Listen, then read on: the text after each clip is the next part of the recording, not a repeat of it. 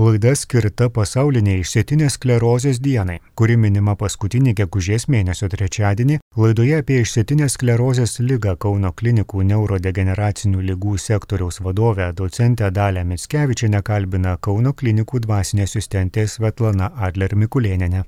Sveiki, malonos Marijos radio klausytojai.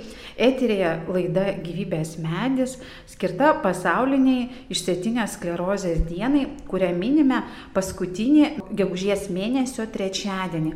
Tai šiais metais minėjome trečiadienį 26 dieną. O laidos pašnekovė yra Lietuvos sveikatos mokslo universiteto Kauno klinikų neurodegeneracinių lygų sektoriaus vadovė, docentė Dalė Mitskevičinė. Labadiena, mėly klausytojai. Tai pradėsime nuo savokos, nes girdime tą išsėtinę sklerozę, bet kaip paprastai ją paaiškinti, koks jos paplitimas galbūt. Tai išsėtinė sklerozė vis tik yra jaunų žmonių lyga ir ji yra uždegiminė, autoimuninė lyga, kuri prasideda, kaip ir minėjau, jauname amžiuje ir pažeidžia tikrai tokius jautrius, jautrius žmonių dalykus. Ir kadangi tai yra darbingi žmonės, tai yra žmonės, kurie mokosi, kurie kuria savo gyvenimo planus, ir e, staiga užklumpa ši lyga. O lygos pats pagrindas yra, kai pati žmonių imuninė sistema pradeda atpažinti baltymą ar, ar mieliną. Mielinas, kuris sudarytas būtent iš baltymų ir lipidų, e, riebalų, pradeda atpažinti kaip svetimą ir pradeda ataką prieš tą e, baltymą ar tą medžiagą būtent statybinę kuri izoliuoja mūsų nervinės skaidulas ir iš centrinės nervų sistemos perdoda impulsus į kitus, į kitas kūno sritis, į, kuri atsak, kurios atsakingos už raumenų darbą, už judesius, už jutimus, už įvairias pažintinės funkcijas, taip ir sutrikdo visą tą tiesiog normalų gyvenimą. Tai kodėl pradėta minėti šį dieną, nes e, gal ir be jos būtume apsėję? Tai kaip jau ir minėjau, kad tai yra vis tik jaunų žmonių lyga, tai žmonės, jauni žmonės dažniausiai yra labai bendruomeniški ir aktyvūs. Ir 2009 metais būtent buvo kilo tokia mintis, kad e, susijungti visiems sergantiesiems ir taip pat ir sergantiesiems, ir gydantiems e, juos, ir slaugytojams taip pat, ir paminėti šią lygą. Ir būtent tas ir šūkis yra solidarumas, būtent ryšiai, kūrimas naujų ryšių, naujo bendravimo, neužsidaryti namuose, neužsidaryti, e, nebūtinai taip gal išsireiškiau, kad namuose, bet būtent bendrauti, nes galime ir kitom priemonėm bendrauti, kaip jau dabar ir COVID infekcijos metu, pandemijos metu mes visi tai pajutėm, kad ir nuotoliniu būdu galima bendrauti, tai todėl vat ir buvo pradėta minėti ši diena. Nu, jūs trumpai pristatėte tą lygą, kad jinai jaunų žmonių lyga ir uh, truputėlį aptarkim jos eigą, gal kaž, yra kažkokie etapai, kaip žmogus gali ją atpažinti, kad jau reikia kreiptis pas gydytoją. Taip, tai dažniausiai pažeidžia žmonės tarp 20 ir 50 metų, bet aišku, nėra išimtis, tam tikras procentas nuo 5 iki 10 procentų gali susirgti ir anksčiau arba vėliau, taigi E, visada e, reikėtų pajutus kažkokius tai netipinius simptomus, nors simptomai labai labai įvairūs, kadangi ta lyga pažeidžia įvairiausias ir galvos ir nugaros smegenų sritis, tai pasireikšti gali labai tokiais kaip ir bendrais simptomais, nespecifiniais simptomais. Tai ir galvos vaigimas, kartais ir skausmas būna, ir sunkus dėmesio sukaupimas jutimai įvairiausi, tokie kaip elektros iškroviai, kaip sruvenimas kažkoks, nenormalus galūnių pojūtis, toks besimėtantis, kartais ir nuotaikos sutrikimai, koordinacijos sutrikimai, kaip matote, tikrai, tikrai ta įvairovė yra didžiulė. Ir dabar mokslininkai netgi ieško tokių kaip mes mediciniškai išsireiškiam prodrominių netgi simptomų, galbūt galima užbėgti tai lygai už akių, bet nu, dar tyrimai tikrai vykdomi ir dar labai sunku pasakyti dėl šių dalykų, kadangi tie simptomai labai paplitę ir bendrojoje populiacijoje. Tai pajutus kažkokius pasikartojančius simptomus, galbūt ne vienkartinius simptomus, reikėtų tikrai kreiptis į gydytoją ir išsitirti dėl šios lygos. O toliau jinai valdoma vaistais ar visą gyvenimą, ar yra pagydoma?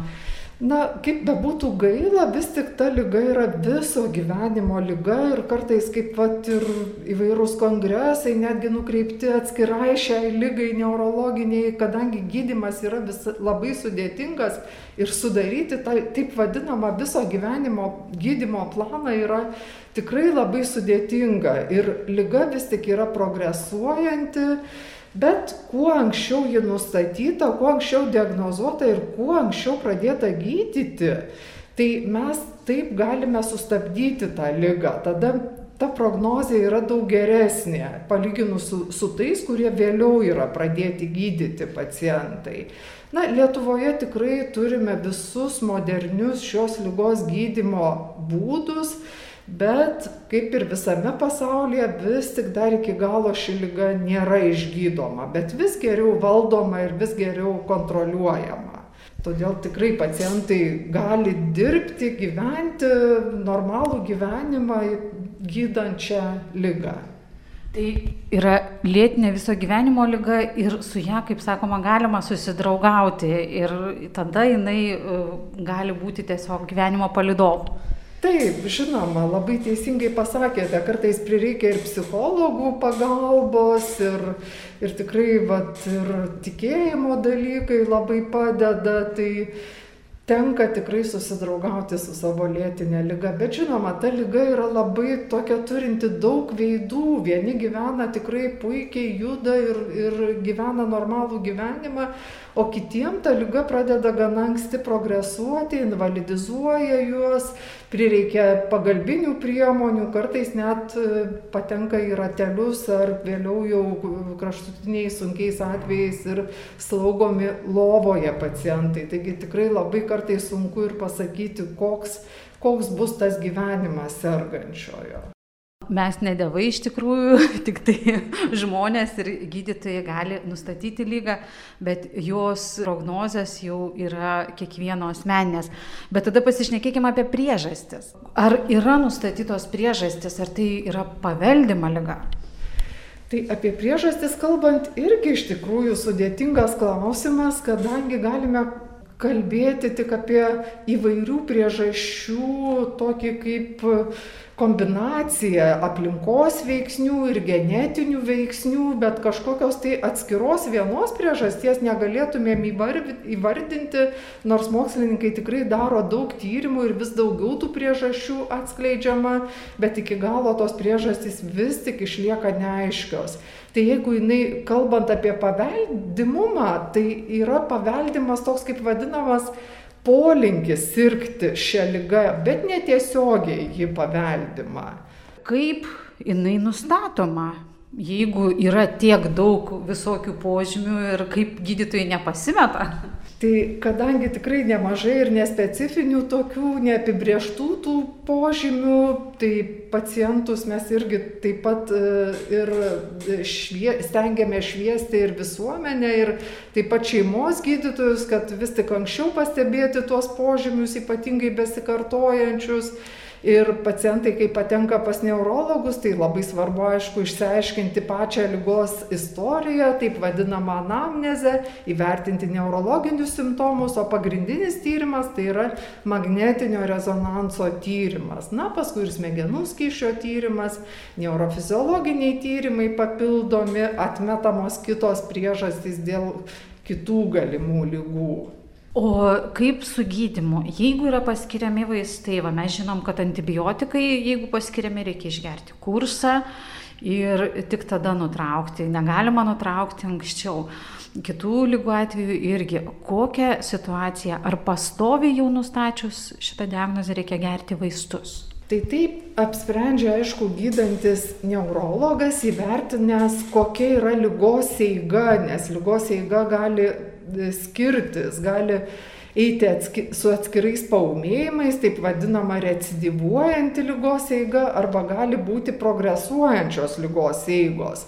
Tai vad nustačius tą lygos eigą skiriamas taip vadinamas lygos eigą moduliuojantis gydimas, būtent stabdantis, kad nesikartotų paumėjimai, kad neatsirastų nauji demėlinizaciniai žydiniai galvos mėgenyse ir pagal tą situaciją, individualią situaciją vaistai naudojami pastoviai lygos eigą moduliuojantis. Bet jeigu jo fone kartojasi paumėjimai, reiškia, nėra pakankamas tas gydimas, tai yra dar stipresnių vaistų, kurie keičiami, reiškia, iš pirmo pasirinkimo į antrą pasirinkimą vaistai, tai tikrai tų galimybių yra ir visi vaistai pagal specifines indikacijas yra šimtų procentų kompensuojami. Ir jeigu žmogui pagerėjo ir jis savo nuožiūrą nutraukia vaistus, kas tada gali atsitikti? Na, lyga, kaip nebūtų gaila, gali vėl atsinaujinti. Žinoma, būna ypatingai anksčiau, kai turėjome tik injekuojamus, injekcijomis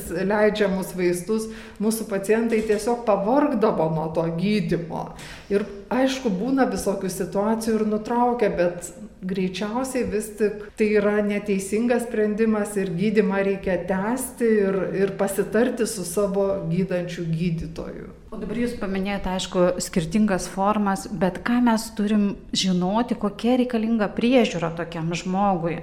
Jeigu gal ankstyva forma užteks palaikymo, o jeigu labiau pažengusi, tai gal ir kažkokių specifinių priemonių. Tai mūsų pacientai, jeigu galima taip išsireikšti, dispanserizuojami. Jeigu jiem paskiriamas lygos eigą modifikuojantis gydimas, tai mes tuos pacientus stebime tiesiog pastoviai. Kas tris mėnesius, kadangi vaistai pratesinėjami, kas trys mėnesiai, tai mes, aišku, dabar vėl pandemijos situacija kitokia ir nemažai ir nuotolinių konsultacijų, bet tikrai palaikome glaudų ryšį su pacientais ir jie gali mum ir pasiskambinti, ir slaugytojos palaiko glaudų ryšį, tai mes tikrai sprendžiame apie tą gydimo taktiką ir, ir dažniausiai vis tik rekomenduojame kuo anksčiau pradėti gydimą. Jeigu jūs, kaip sakote, lyga lengva ir dar pacientas nejaučia simptomų, bet dažniausiai jos smegenyse vyksta gana aktyvus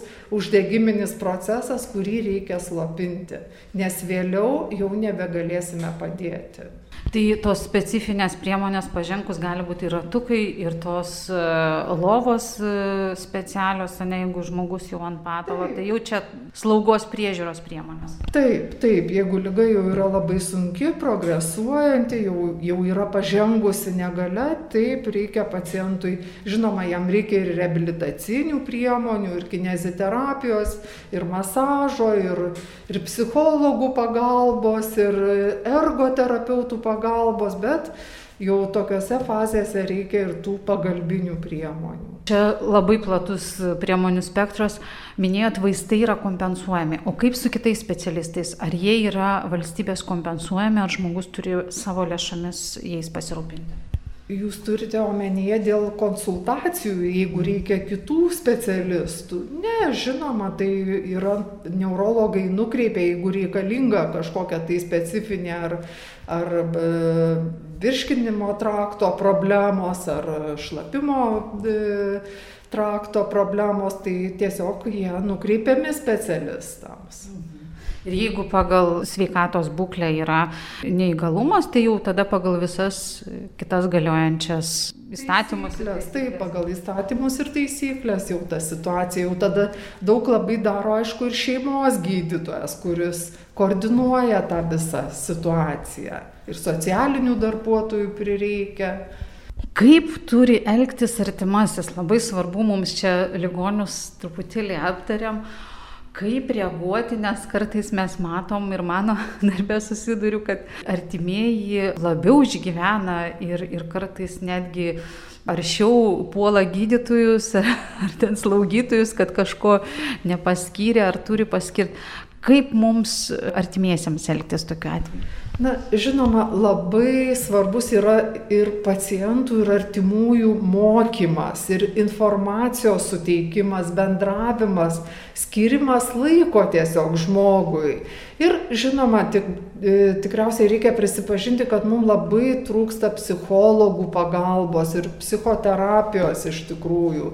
Na ir pacientam, kuriem nustatoma tik tai vat, diagnozė, kartais būna tikrai labai jauni žmonės, sakykime, bebaigę mokyklą ar, ar aukštąją mokyklą, bet ir kitose situacijose tikrai, tikrai reikia psichologo, psichoterapijos ir, ir va tokio glaudaus ryšio su pacientu padėti jam informuoti jį ir, ir tiesiog vesti tuo lygos keliu. Iš tikrųjų labai sunku priimti, kad tu buvai sveikas ir dabar šita diagnozė, kuri visam gyvenimui, tai vat šituose situacijose turbūt visai šeimai reikalinga. Tai kvieskime tada visus artimuosius padėti priimti diagnozės žinę, nuraminti ir padėti toliau gyventi. Taip, žinoma, tai artimųjų pagalba yra labai labai svarbi pacientui kur ieškoti pagalbos. Vat, nu, švietimas yra svarbu, dabar pandemijos situacijoje turbūt kažkokių paskaitų yra galbūt sudėtinga gauti. Bet e, gal yra nuotolinės paskaitos, kaip jūs šviečiat visuomenę ir, ir pačius pacientus? Na, žinoma, e, dabar situacija pasikeitusi, ir, bet tikrai ir mūsų sesutės yra edukuojamos, ir, ir tos nuotolinės informacijos, ir tų vadinamų seminarų internete tikrai, tikrai galima rasti ir, ir kreiptis ir į mūsų vat, kliniką, ir, ir polikliniką ir tikrai tos pagalbos galima rasti. Ir yra Lietuvos sveikatos mokslo universiteto išsėtinės sklerozės centras. Kokia jo funkcija? Tai kaip ir sakiau, mes kaip ir turim tą vadinamą tokią e, pacientų e, apjungtą bendruomenę tiesiog ir būtent e, tas centras ir skirtas pacientus stebėti, gydyti, edukuoti juos, mokyti, bendrauti.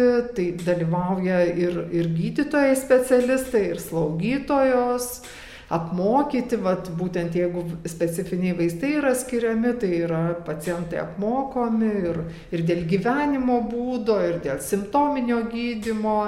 Tai vat, visas tas ir skirta tiesiog dėl mūsų pacientų. Aptariam lygą, aptariam jos eigą ir artimųjų įtraukimą. Tai dar klausimas, kokie yra rizikos veiksniai. Ar mes galime, vat, jūs minėjot, kad ieško kaip nustatyti, kaip užkirsti kelią, ar yra kažkokie tai vat, nu, veiksniai, kurie paskatina tas, tos lygos pasireiškimą?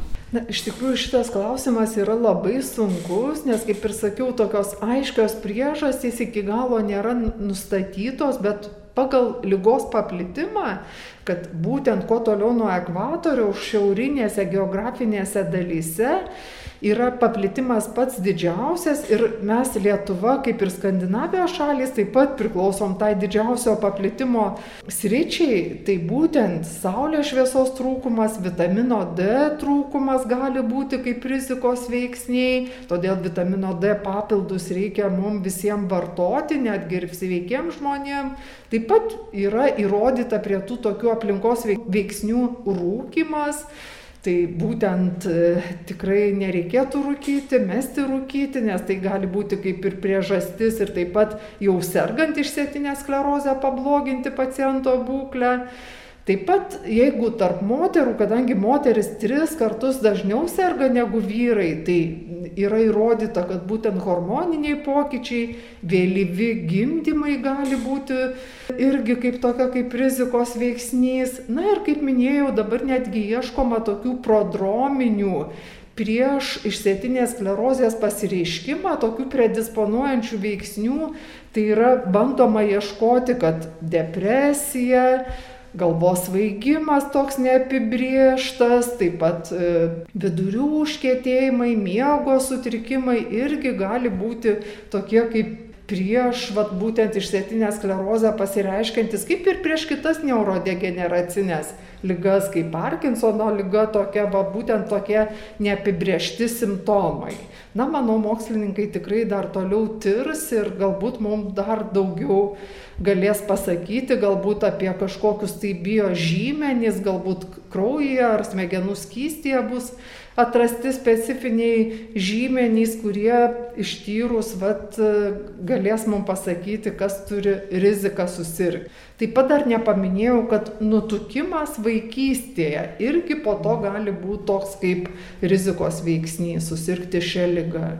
Na ir nuo rizikos veiksnių pereikim prie profilaktikos. Tai kokia būtų šios lygos profilaktika, ką patartume? Na, aš, kai pacientai klausia manęs jau ir susirgę, jau kaip klausia, kaip mums gyventi, aš visada pasakau, kad Na, nesivaikykite kraštutinumų, bet laikykitės tokio sveiko gyvenimo būdo, ir mytybos, tai būtent rekomenduojama kaip viduržėmio jūros vat, e, principai mytybos veiki, mažiau druskos galbūt, daugiau produktų, kurie turi vitamino D, nerūkyti, tai e, koreguoti savo gretutinės lygas, nes aišku, pacientai, kurie serga išsėtinę sklerozę, irgi sensta ir turi gretutinių lygų, tai tas gretutinės lygas reikia kontroliuoti, tai va tiesiog nemažai dalykų, ką gali padaryti pats žmogus. Gydytoja, aišku, gydo, diagnozuoja, bet ir pats žmogus gali dėl savęs nemažai padaryti. Judėti, judėjimas yra labai labai svarbus. Tai gydytojas gali nustatyti, gali patarti, bet jeigu žmogus neįdės savo pastangų, nebendradarbiaus, tai tikrai su lyga nesukovosim. Ir šitos lygos atveju reikia ją prisilkinti, reikia išmokti su ją gyventi, Kviečiame artimuosius stebėti, padėti, priimti ir jeigu reikia bendradarbiauti ir su gydytojais. Taip. Ačiū už pokalbį, pritariu tikrai prie paskutinių sakinių ir tikrai perdodu linkėjimus ir sveikinu su išsėtinės sklerozės pasaulinė diena visus išsėtinės sklerozės pacientus. Ačiū. Dėkojame Jūs už pokalbį. Sudė. Ačiū sudė. Pavyko pakalbinti vieną Kauno klinikų pacientę. Tai norėčiau paklausti, kaip jūs sužinojote apie savo lygą, kai buvo nustatyta jums išsėtinė sklerozė? atsitiktinai sužinojau kažkur 15 metais patvirtino, nors jau sergu pagal požymius, kiek pati jaučiu, maždaug nuo savo 24 metų, man dabar 58. O sužinojau, iškodama visai ko kito, pirmiausiai sustingo visas kūnas, pasidarė skausmingas ir rekomendavo pasidaryti magnetinį rezonansą. Ar sunku buvo priimti šios lygos diagnozę? Kaip, kaip vyko jūsų prieimimas? Sesutė, kuri jau išėjo man pasakyti, kad yra kažkas rimto, nenusigaskit, bet tai pagal ją pamačiau ir kai pasakė, tai žinokit, aš prieimiau kažkaip gana normaliai, nes buvau girdėjus ir pažįstamų tarpę turiu su tokia lyga. 15 minučių nuverkiau, nusiraminau ir žinojau, kad su tuo reikės gyventi. Ar reikėjo psichologo pagalbos ar susitvarkėt pati? Ne, man nereikėjo psichologo. Aš tiesiog sakau savo pažįstamų tarpę, turiu žmonių, kurie gana nu taip priima mm, normaliai tą lygą, nekrenta jokias depresijas. Mačiusi su žmonių, su, netgi su depresijom tokiam lygom sergant, bet aš supratau, privalau susitaikyti, nes kitaip nebus. O kaip šeima priėmė ir kaip jums toliau su ją sekasi gyventi šitą lygą? Gerai, vien dėl to, kad aš esu dirbanti, tas yra gerai. Leido dirbti namuose, dabar tas karantinas, o šeima padeda. Nu, kad man tokios labai, kol kas susitvarkau daug ką pati, fizinio darbo sunkaus daug neturiu. Nu, tikiuosi, kad atmintis nepaves ir galėsiu dirbti. Kūnas daug tokio judėjimo mano darbų nėra. O paminėjimas tos dienos, kaip jums atrodo, ar svarbu visuomenė šviesti šio klausimu? Šiaip tai, žinokit, reikėtų, reikėtų žmonėm daugiau informacijos, ypač, nu, kaip aš perskaičiau tokį vieną sakinį, kad Jeigu žmogus eina keistai laukės, virduliuodamas, keistai dėtamas kojas, tai negalima įsivaizduoti, kad jis būtinai yra išgėręs. Ir aš pastebėjau tokį dalyką ir tiesą pasakius ir savo atžvilgių gavau tokį komplimentą. Nu, vienu žodžiu, reikėtų dienos metu ir nebūti išgėrus, o tas labai keistai pasirodė. Tai vad, kad žmonėm, patiems žmonėms švietimo reikia, tai tikrai, nes mes būnam kartais netolerantiški tokių žmonių atžvilgių. Priimam žmogų sėdinti vežimėlėje, priimam žmogų su, sakysim, cerebraliniu, priimam žmogų su regėjimo negalė turėjimu ar kažkokiu kitokiu, o apie išsėtinę žmonės nesupranta, kad aš šleivodama galiu būti, tiesiog aš taip einu. Tai vad, kad švietimo reikia, tai tikrai. Dėkoju Jums. Ką palinkėtumėte tiem, kurie tik šiandien sužino? E, man žinokit, kaip sakyt, man pasisekė, e, nes aš tai sužinojau vėlai, todėl turiu du vaikus.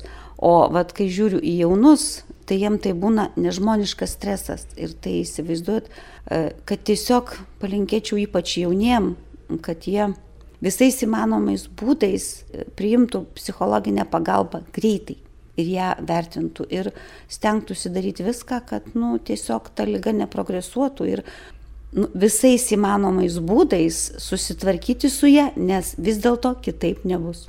Ačiū Jums, Jūs geras pavyzdys. Ačiū Jums labai. Apie išsėtinės sklerozės lygą Kauno klinikų neurodegeneracinių lygų sektoriaus vadovę docentę Dalę Mitskevičinę kalbino Kauno klinikų dvasinė asistentė Svetlana Adler Mikulėninė.